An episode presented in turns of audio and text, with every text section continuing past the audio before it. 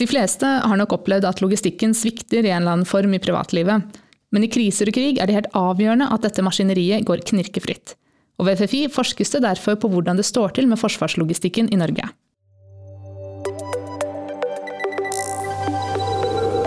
Ugradert, en podkast fra Forsvarets forskningsinstitutt. Mitt navn er Katinka Brattberg, og med meg i studio i dag så har jeg forsker Olger Pedersen. Velkommen hit. Takk skal du ha. Du forsker rett og slett på logistikk. Og selv om jeg tror at de aller fleste har en eller annen forståelse av hva logistikk er, så kan du kanskje begynne med å forklare hva som ligger i begrepet? Opprinnelig så er det et gammelt militært begrep um, som ble definert som kunsten å forflytte armeer. Altså det handler om å flytte tropper og forsyninger og materiell. Uh, mens i dag så, så, handler det om å sørge for at uh, tilbud kan møte etterspørselen på en mest mulig effektiv måte. Og tilbud, altså Da snakker vi om de som leverer en vare eller en tjeneste. Altså eh, råvareleverandører, produsenter, grossister osv. Og, Eh, og de som etterspør det her, det er jo de det er jo kunder i kommersiell kontekst, eh, eller det kan være pasienter i helsesektoren, eller militære enheter da, i en forsvarskontekst. Og når vi snakker om, om logistikk sånn i dagligtale, så er det disse praktiske forholdene rundt dette vi ofte snakker om. Da, altså planlegging av transport og distribusjon. Eh, hvor, og hvor mye er det som skal lagres av, av varer og, og forsyninger det er innkjøp, anskaffelser, og, og, i Nato så omfatter logistikk også um, oppgaver som vedlikehold av materiell, forvaltning av infrastruktur og også sanitet. Så det er et ganske stort område, med andre ord? Ja. Og, og hva er det da som skiller militær logistikk fra sivil logistikk i det store? En grunnleggende forskjell er at uh, kommersiell og sivil logistikk det handler i utgangspunktet om at en bedrift skal kunne nå sine finansielle mål Eh, mens vi ser da i Forsvaret og offentlig sektor, eh, de er jo ikke profittmaksimerende. Eh, så hensikten med militær logistikk det er å bidra til at de militære kapabilitetene og, og systemene er operative og tilgjengelige der det er behov for dem, når det er behov for dem, slik at de militære enhetene kan, kan, løse oppdraget sitt. Så vi kan si at militær logistikk da først og fremst må være effektiv, og dernest så kostnadseffektiv som mulig. Men militær logistikk må vel også kunne håndtere vidt forskjellige krav, alt ettersom det er snakk om fred, krise eller krig? Jeg tror at en av hovedutfordringa til den militære logistikken er at den skal kunne håndtere både fred og krig, og med de ulike kravene som det, det, det, medfører. Da. Eh, for vi ser at I fredstid så skal logistikken hovedsakelig understøtte den daglige drifta i Forsvaret. Og det meste av aktiviteten som Forsvaret driver med, er planlagt og veldig forutsigbar. Eh, og dermed blir det også krav til at, at logistikkvirksomhet er jo mest mulig kostnadseffektiv. Da. Eh, mens i krig eh, så er det helt andre krav. Da skal logistikken understøtte skarpe militære operasjoner. Blant annet så øker etterspørselen fordi det, er et større styrkeomfang som skal understøttes. Nasjonalt så det, skal reservister kalles inn, Heimevernet skal kanskje aktiveres, og, og, lignende. Og forhåpentligvis så får vi også støtte fra allierte som vil komme og, og hjelpe oss, enten da operere ut fra norsk jord eller på, på norsk eh, jord.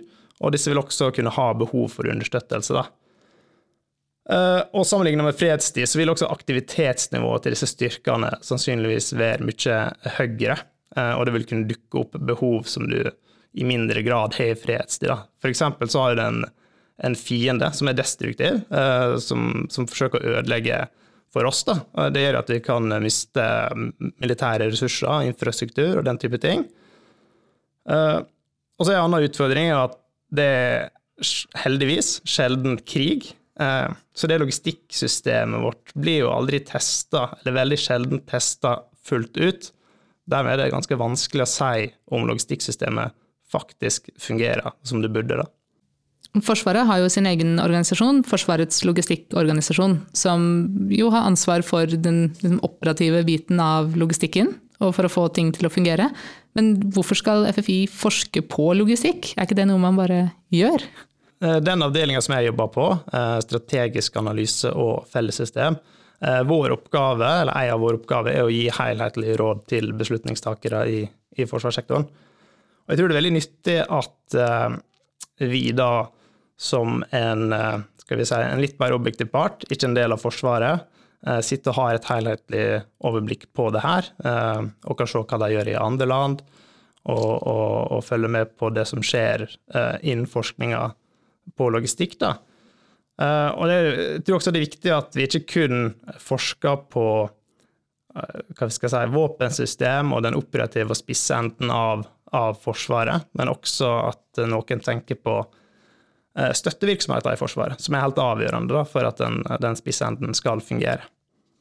Og hvordan forsker man egentlig på logistikk? Innen logistikk så blir det brukt både kvalitative og kvantitative metoder, helt avhengig av hva problemstilling det er som, som studeres. da. Eh, og innen, det kvantitative så bruker man gjerne en metode som er henta fra operasjonsanalysefagfeltet, altså med fokus på optimering av prosesser eller kapasitetsberegninger og den type ting. Eh, men vi ser jo også at det, det blir gjort en god del kvalitativ forskning da, eh, som er med på å skape en bedre dybdeforståelse av et problem, kanskje. Og jeg vet ikke om det er noen metode som spesielt kjennetegner logistikkforskning. Men intervjuer, bruk av informanter, dokument- og tekstanalyse og sånne ting er jo metoder som går igjen. Du angriper problemstillinger fra flere forskjellige vinkler, med andre ord? Ja, det er jo på en måte problemstillinga og forskningsspørsmålet som tenker jeg i hvert fall bør bestemme hva metode man anvender, da. Og hvilke aspekter ved logistikk er det du har sett på? Nei, Vi har gjort en del forskjellig, men de siste åra har vi gjort veldig mange studier der vi har brukt eh, kvantitativ metode for å beregne behov for vertslandsstøtte i, i ulike scenarioer. Da tror jeg nesten du må forklare hva vertslandsstøtte er for noe? Vertslandsstøtte det er jo definert som sivil og militær støtte som er gitt eh, i fri, fred, krise og, eh, eller i krig til en alliert da, som opererer i Norge eller opererer ut fra norsk territorium, eller som er på vei gjennom norsk territorium. Uh, og denne støtta det kan omhandle altså, å motta allierte styrker ved ei havn eller på en flyplass, eller å transportere dem videre til operasjonsområdet.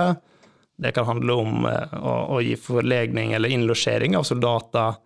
Uh, det kan være cateringtjenester, det kan være drivstoff, uh, sanitetsstøtte, styrkebeskyttelse og ulike sånne militære tjenester. Da. Så det er ganske mye som blir omfatta av det. Og hva spesifikt er det dere har, hva slags studier er det dere har gjort? Ja, De kvantitative studiene våre de har jo da eh, Grovt sett så handler det om å, å, regne ut hvor mye disse allierte militære enhetene har behov for i, av ulike ressurser i ulike scenarioer. Eh, og etter vi har kalkulert de behovene, så, så handler det om å kartlegge hva vi har i Norge av ressurser, enten i Forsvaret, men også i, i det sivile samfunnet, som, som, kan være med på å dekke de behovene som de allierte har. Det er jo enormt store spørsmål dere griper fatt i. Hvordan gjør dere disse beregningene? Eh, det avhenger litt av hva ressurstype vi ser på. Eh, men f.eks. For, for flydrivstoff, da, som er noe vi har sett eh, eller studert en, en del. Eh, så handler det om å først må du lage et scenario som sier noe om hvor store allierte styrker er det som kommer til oss. Eh, og til det så får vi gjerne støtte fra eh, de som forsker på sikkerhetspolitikk og den type ting. Slik vi klarer å, å skissere noen realistiske scenarioer. Og ut fra de scenarioene så klarer vi å identifisere hva, hvilke styrker er det som skal komme til oss. Eh, og da må vi gå inn og, og finne data om hvordan de styrkene ser ut. Da. Hvor mange fly har de, hva slags kjøretøy har de, hvor mange soldater er det, og så, og videre. Og som jeg nevnte, flydrivstoff. Da, altså basert på det, da, hvor mange fly er det den styrken som skal komme i det scenarioet, så må vi da se på hva type fly er det, eh, og hva slags krav det flyet har. da, Hvor stor drivstofftank har det, osv. Og, så så må vi i tillegg se på vekt, vingespenn og den type ting på de ulike flytypene, for å se om vi faktisk har, har plass til å sette dem, eller stille dem opp på flyplassene våre. Så når vi har all, all den dataen vi trenger om de ulike flyene, vet hvor mange fly det er, og sånne ting, så må vi også gjøre noen forutsetninger på hvor mye disse flyene skal flyge uh, i de ulike fasene i et scenario. da. Ja, og basert på alle disse her, da får vi, vi får en rekke ulike parametere, men basert på det så får vi et behov som utgjør det totale drivstoffbehovet Eh, i scenarioet vår.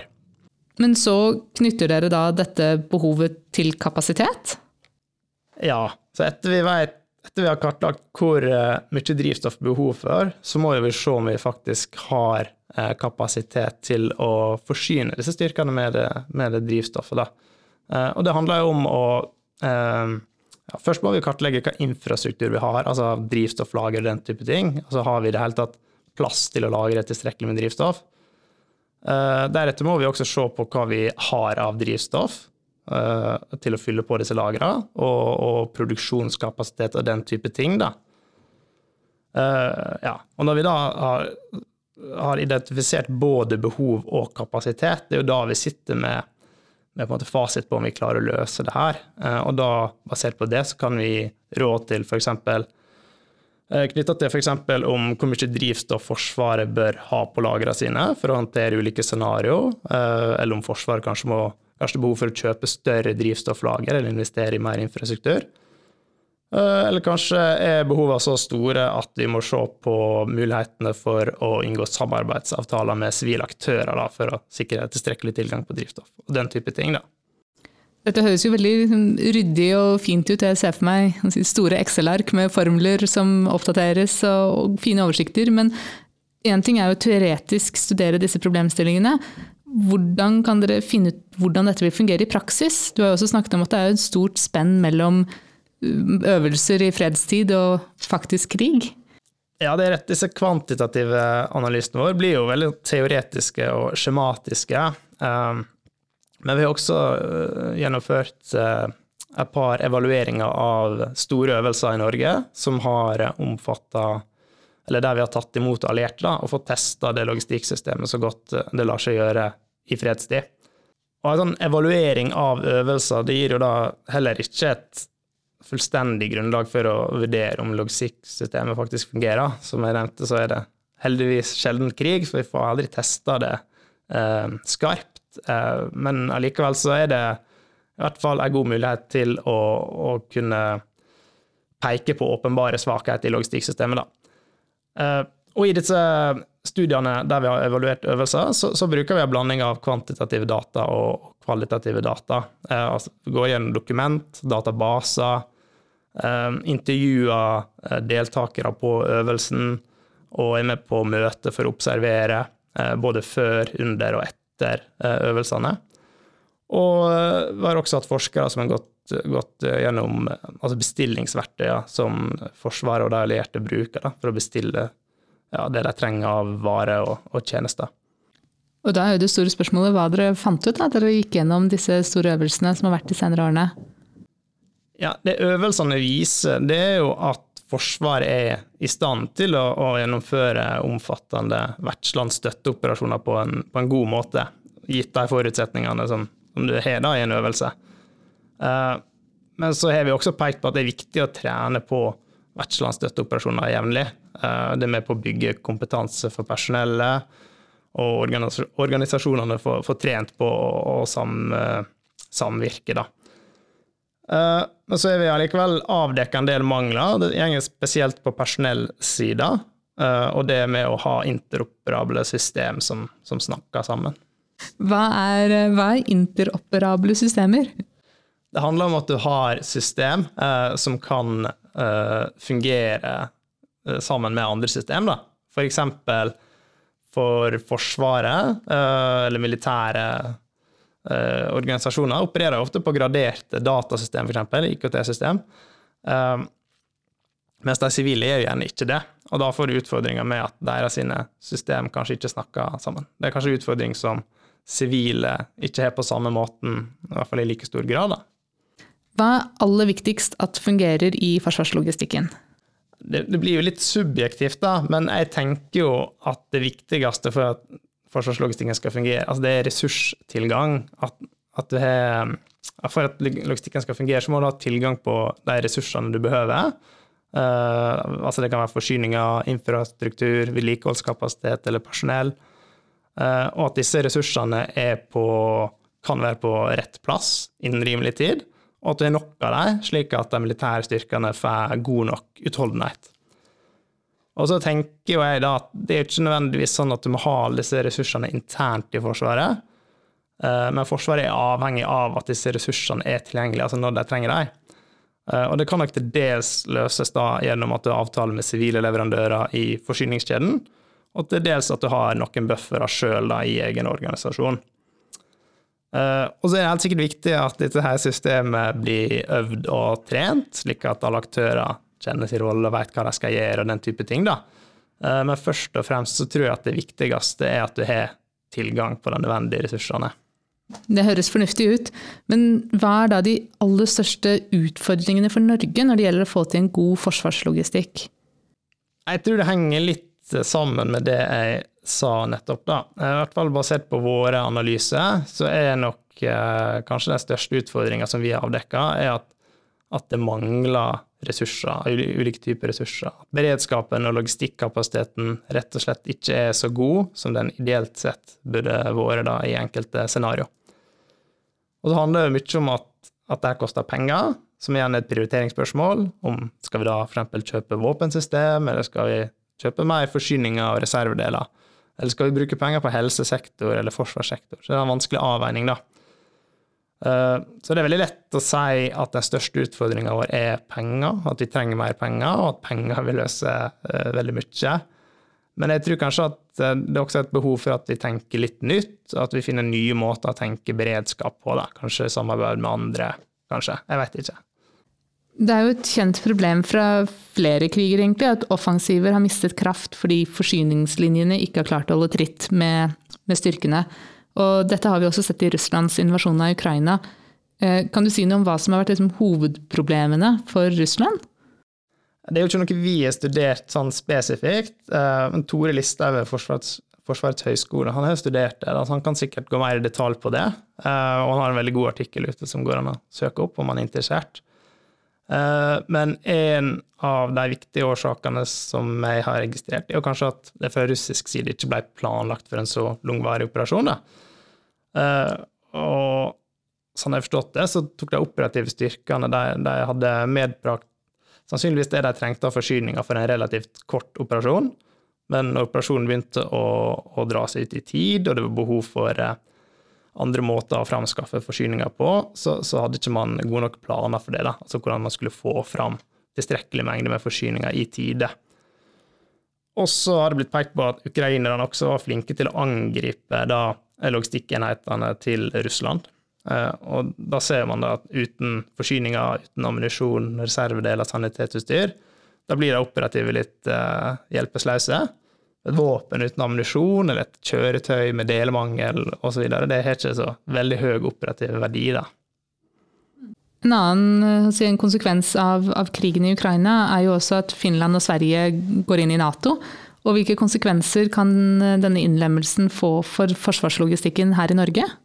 Dette er egentlig noe som vi ønsker å studere mer. da. Eh, men altså, en åpenbar utfordring som vi ser, det er jo at, at fronten, om vi kan kalle det det, den flytter seg. Fra, tradisjonelt så har vi tenkt at en fiende fra øst vil komme inn i Finnmark.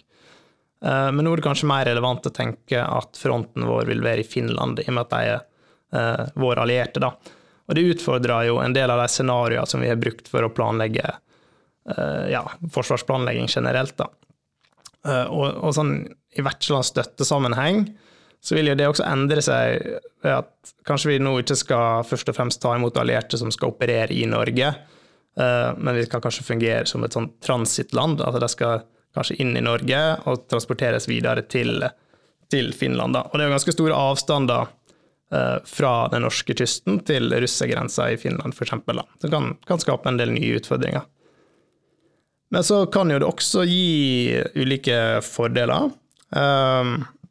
F.eks. For kan det tenkes at vi kan eh, finne områder der vi kan samarbeide om beredskap, f.eks. Dele kostnader og oppnå stordriftsfordeler ved å ha felles beredskapslager eller beredskapskapasitet. Eh, men også når det gjelder infrastruktur, så vil vi kanskje i større grad kunne dra nytte av f.eks. svensk infrastruktur da, og den type ting. Eh, ja, så det er nok både en del utfordringer som vi må identifisere, men også sannsynligvis en del muligheter, da. FFI gir årlig ut en rapport som vi kaller Forsvarsanalysen, der vi bruker hele instituttets faglige bredde for å gi forsvarsledelsen råd og anbefalinger om Forsvarets videre utvikling. Og i den utgaven som kom nå i 2023, så har også logistikkmiljøet ved, ved FFI bidratt. Hva var rådene og anbefalingene innen logistikk som dere kom med der? Ja, I årets forsvarsanalyse så, eh, så bidro vi med analyse innen forsyningsberedskap og innen vertslandsstøtte. Eh, og innen forsyningsberedskap så, så gjorde vi analyse knytta til drivstoff. Eh, og i tillegg så synliggjorde vi en del beregninger fra Forsvaret om ammunisjon, reservedeler og, og, personlig bekledning og utrustning. Da. Ja, og budskapet vårt akkurat her var jo at det er en del betydelige mangler innen, innen disse ulike typer forsyningene som vi bør ta tak i. At det er for lite av det vi trenger, rett og slett? Eh, rett og slett. Ja, når det gjelder vertslandsstøtte, da, så ser vi at sammenlignet med daglige operasjoner, så er det behov for at vi klarer å løse noen flere oppgaver har noen andre si, ressurstyper enn vi har i det daglige. Men først og fremst er jo, jo utfordringa at det er behov for vesentlig mer av det vi har da, i det daglige. Så dere sier at FFIs analyser viser at Norges totale kapasitet den er tilstrekkelig innenfor flere av de ressursene FFI har analysert, men dere ser også flere unntak? Ja, en utfordring vi ser, det er jo at uh, hovedvekta av sivile ressurser i Norge, de er jo i Sør- og Midt-Norge. Um, og det, det, kan jo by på utfordringer dersom vi skal motta og understøtte allierte i, i Nord-Norge. da. Uh, og så har vi også sett på at det kan være utfordringer knytta til infrastrukturbehov, bl.a. for areal på flyplasser, til å sette opp alle disse her, eller plassere alle disse flyene som vi kanskje skal motta. Det avhenger selvfølgelig av hvor mange som faktisk vil komme og hjelpe oss. Uh, og så har vi identifisert en del mangler knytta til ja, personell og kompetanse, da. både til å, å gjennomføre uh, disse mottakene av allierte. Men også når det kommer til det mer administrative og den koordinerende delen da, av vertslandstøtten. I de senere årene har det vært økt fokus på samarbeid mellom forsvarssektoren på den ene siden og sivile eller kommersielle aktører på den andre. Hvorfor er dette viktig, dette samarbeidet? Det er viktig fordi Forsvaret er helt avhengig av sivile aktører. Eh, fordi Forsvaret er, i likhet med alle andre organisasjoner, så er ikke de selvforsynte. Men de er avhengig av andre organisasjoner for at de skal kunne utføre og, og løse oppdraget sitt. Eh, og det tror jeg er et viktig faktum, som kanskje ikke er åpenbart for alle, eller som alle ikke tar helt inn over seg. Eh, og det henger jo til dels sammen med det jeg sa i stad. Det at det er utfordring for forsvarslogistikken. Det at behovet for understøttelse i krig eller krise, det vil sannsynligvis være så mye større enn det behovet de har i fredstid. Så all den kapasiteten som vi trenger i krig eller krise, den, den har ikke vi råd til å ha stående i fredstid i påvente om at det kanskje skulle bli krig eller oppstå en krise. Eh, derfor er det viktig at vi har avtaler med leverandører som gjør at, at disse ressursene som vi trenger, er gripbare i tilfelle vi skulle ha behov for dem. Eh, og så er det viktig å påpeke at dette ikke handler om eh, at du ønsker å privatisere eller sivilisere Forsvaret, eller at du ønsker å spare penger for sparinga sin skyld. Da. Det er ikke det som er poenget vårt. Men poenget er at når vi tenker på hvordan vi innretter forsvarslogistikken, og når vi velger beredskapskonsept, om vi kan kalle det det, eh, så må vi sørge for at de valgene som vi tar, er realiserbare og realistiske, og at de eh, lar seg gjennomføre. Da. For gitt de forsvarsbudsjettene som vi faktisk må forholde oss til, så virker det urealistisk at forsvar skal ha alt mulig på lager sjøl, eller at skal ha alle mulige kapasiteter sjøl. Eh, for det er veldig kostbart, eh, og derfor må vi evne å prioritere da, at vi skal bruke de militære ressursene våre. Og så er det også et poeng det at selv om Forsvaret sitt behov for en del varer og tjenester i krise eller krig, altså til tross for at de kan virke veldig store, så er det mange tilfeller ganske små sammenlignet med den kapasiteten som vi ser på, på kommersielle markeder.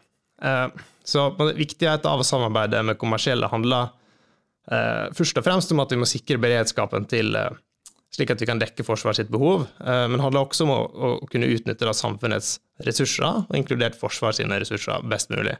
Så Det er på en måte et slags volumproblem, som er det ene aspektet ved det. og men innenfor andre områder så er det sånn at mange kommersielle aktører har kompetanse eller teknologi eller andre forutsetninger som gjør at de er kanskje i bedre stand til å løse ulike oppgaver enn det, det Forsvaret kan. da. Og det vil typisk gjelde oppgaver som vi ikke betrakter som da typisk militær oppgave. Eh, fordi Forsvaret er best innen veldig mange ting. Alt med stridsteknikk, eh, lede militære operasjoner osv. Eh, men i andre tilfeller så er det sivile og kommersielle som, som, har bedre forutsetninger for å løse oppgaver enn det Forsvaret har. Har du noen eksempler på situasjoner der det kan være lurt å, eller ekstra lurt å samarbeide med sivile? Det er jo en kompleks problemstilling. Uh, hvis vi tar veitransport eller lastebiltransport som et eksempel, så er det en sånn oppgave vi kan dele opp, fordi både Forsvaret driver med det, og kommersielle driver med det. Og så tenker jeg at det åpenbart at Forsvaret må ha kapasitet til å drive med den type transport i felt, eh, nær striden, nær kamphandlinger. Så en del av behovet for veitransport i Forsvaret det må dekkes av militært personell. Eh, men så er det en del av transportbehovet som er av en mer administrativ art, eh, i forbindelse med daglig drift, eller som kanskje vil foregå lenger bak, lenger vekk fra kamphandlinga, der det ikke er samme krava til stridsteknisk eller militær kompetanse. Eh, og dette er oppgaver som kommersielle aktører driver med i sitt daglige virke, og de ansatte som er øvd og trent, da, i hermetegn, fordi de utfører disse oppgavene på daglig basis. Så da handler det litt om hva vi skal prioritere det vi har av militære ressurser på. Da. Det er jo kostbart å bygge opp og ivareta den kompetansen og, den kapasiteten som vi trenger. Så skal vi ha materiell til dette formålet her, eh, i dette tilfellet lastebiler, så, så vil det medføre at disse bilene må, må bli forvalta og vedlikeholdt, uansett om de ikke skal brukes før det oppstår en krise eller en krig. Da. Eller kanskje spesielt om det skal brukes hvis det oppstår krise og krig. Eh, og så har ikke vi ubegrensa med militært personell, så dersom vi bruker en soldat til en slik oppgave, så har vi en soldat mindre til å bruke på en annen oppgave. Da. En soldat mindre til å drive med stridsteknisk uh, transport, eller om vi setter på spissen, så er en soldat mindre til å bemanne et våpen eller stridsvogn eller, eller lignende. Og så har vi eksempel som kan virke veldig dumme og enkle, fordi det er oppgaver som er veldig langt fra det som Forsvaret driver med i dag, da. slik som feltrasjoner, eksempel. Altså det er mat som soldatene kan ta med seg i felt. Og der også kan man spørre seg om Forsvaret skal ha egen produksjonskapasitet til det, eller om vi heller bare skal dra nytte av at det er leverandører som produserer turmat til kommersielle marked i stedet for det. Og så kan man også tenke at dersom Forsvaret går inn som en stor kunde eller samarbeidspartner hos en sånn kommersiell eh, leverandør, så kan det være med på å holde liv i den produsenten, og på den måten styrke den nasjonale beredskapen fra et sånt totalforsvarsperspektiv.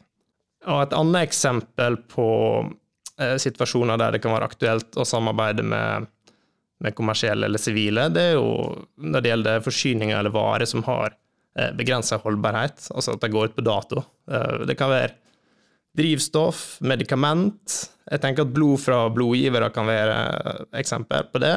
Eller ulike typer matvarer og dagligvarer. Dette er jo forsyninger som både sivile og militære har behov for.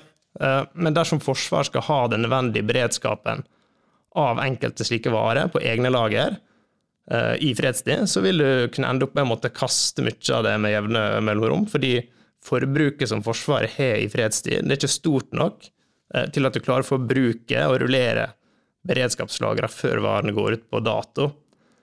Uh, så det å drive og kaste seg forsyningene, det, er jo lite bærekraftig, så klart. I tillegg så vil det jo bli dyrt rent finansielt, da.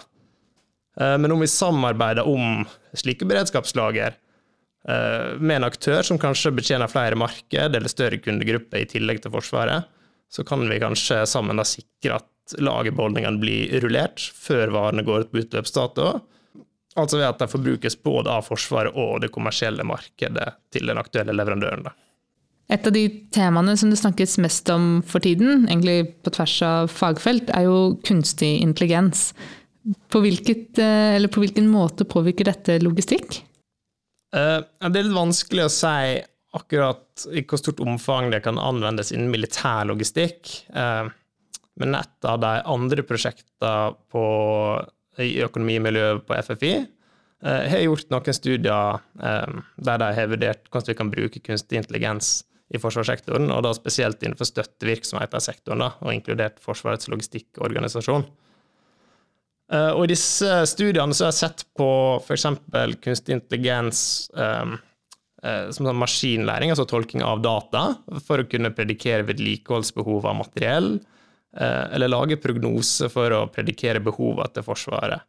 Og dette kan da brukes til å gjøre bedre innkjøp, bedre anskaffelser, planlegge vedlikehold bedre, og at vi rett og slett får en mer effektiv og strømlinjeforma logistikk. En utfordring knytta til den bruken her, er jo at det er behov for data av høy kvalitet. Og mye av logistikkvirksomheten i Forsvaret i dag, den er, den er litt gammeldags, og den er prega av manuelle prosesser. Eh, så det må kanskje eventuelt jobbes med å øke datakvaliteten. Eh, men så har jeg også sett på bruk av kunstig intelligens eh, i elektroniske assistenter. da. Altså, ser de på potensialet ved å kombinere kunstig intelligens med roboter og, og de dataprogrammene som Forsvaret har i dag for lagerstyring. Ja, da har jeg sett på eksempelvis robotisering, automatisering av forsyningslager og, og lagervirksomheter i Forsvaret. Eh, det er også et potensial, men en utfordring her er jo at det gjerne er behov for eh, trådløs teknologi. Eh, og det er noe som er veldig lite utbredt i Forsvaret i dag pga. sikkerhet og, og, og krav til utveksling av gradert informasjon og lignende. Men det, vi tror som er det viktige budskapet er jo at selv om kunstig intelligens kan ha et stort potensial Eh, for å bidra til forbedring og effektivisering innen forsvarslogistikken, så må vi være klar over at det er en del utfordringer og flaskehalser som er litt spesielle for Forsvaret, eh, og som kan hindre at vi oppnår store fordeler på kort sikt. Eh, så vi må tenke langsiktig når vi skal vurdere de positive effektene rundt dette her. Da. Men hvilke utfordringer ser du knyttet til logistikk fremover i årene som kommer, da? Der er sikkert eh, mange utfordringer. Hvis vi tenker for forsvarslogistikken og det med bærekraft og en mer grønn logistikk, det kan bli utfordrende. Eh, og da tenker jeg egentlig ikke på det Altså ikke på hvordan Forsvaret kan bli grønnere, eller Forsvarets logistikk kan bli grønnere.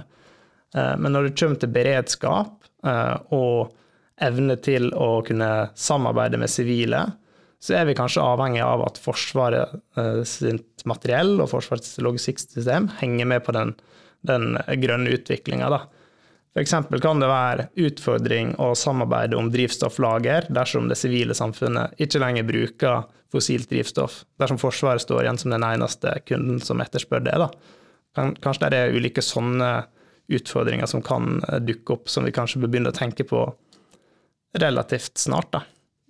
Og hva er det dere skal forske på i fremtiden, da? Vi ønsker å forske mer på beredskapskonsept, har vi, har vi kalt det da. Vi, vi, er jo flinke til å peke på at Forsvaret har beredskapsmangler innen en rekke områder. Så vi, vi ønsker å, å, kunne gi råd om ja, hva, hva, vi kan gjøre eh, for å bedre den situasjonen. Da. Uh, og vi tenker at det er behov for å, å å tenke beredskap som hensyntar utfordringer som vi har sett de siste åra som følge av pandemi og, og, krigen i Ukraina. Vi ser det økte ledetider på materiell og, og varer, eh, og det er betydelig sårbarhet knytta til globale eh, verdikjeder, f.eks. Og så er det, som jeg nevnte, også da studier som, som ser på hvordan Forsvaret kan, bør forholde seg til eksterne faktorer, slik som elektrifisering for eksempel, av samfunnet. da, og og hva det har å, å si for beredskapen til Forsvaret. Og så ønsker vi å forske mer på grønn og bærekraftig logistikk, eh, der vi ser på eh, hvordan Forsvaret bør innrette logistikken sin for å ta hensyn til at vi har knappe ressurser, eh, de særegne kravene til militær understøttelse, og også nye krav knytta til bærekraft og minimering av miljøkonsekvenser. Tusen takk for at du hadde tid til å komme, Olger. Takk. Og hvis du som lytter har lyst til å lære mer om forskningen til FFI, så finner du alltid mer informasjon på ffi.no.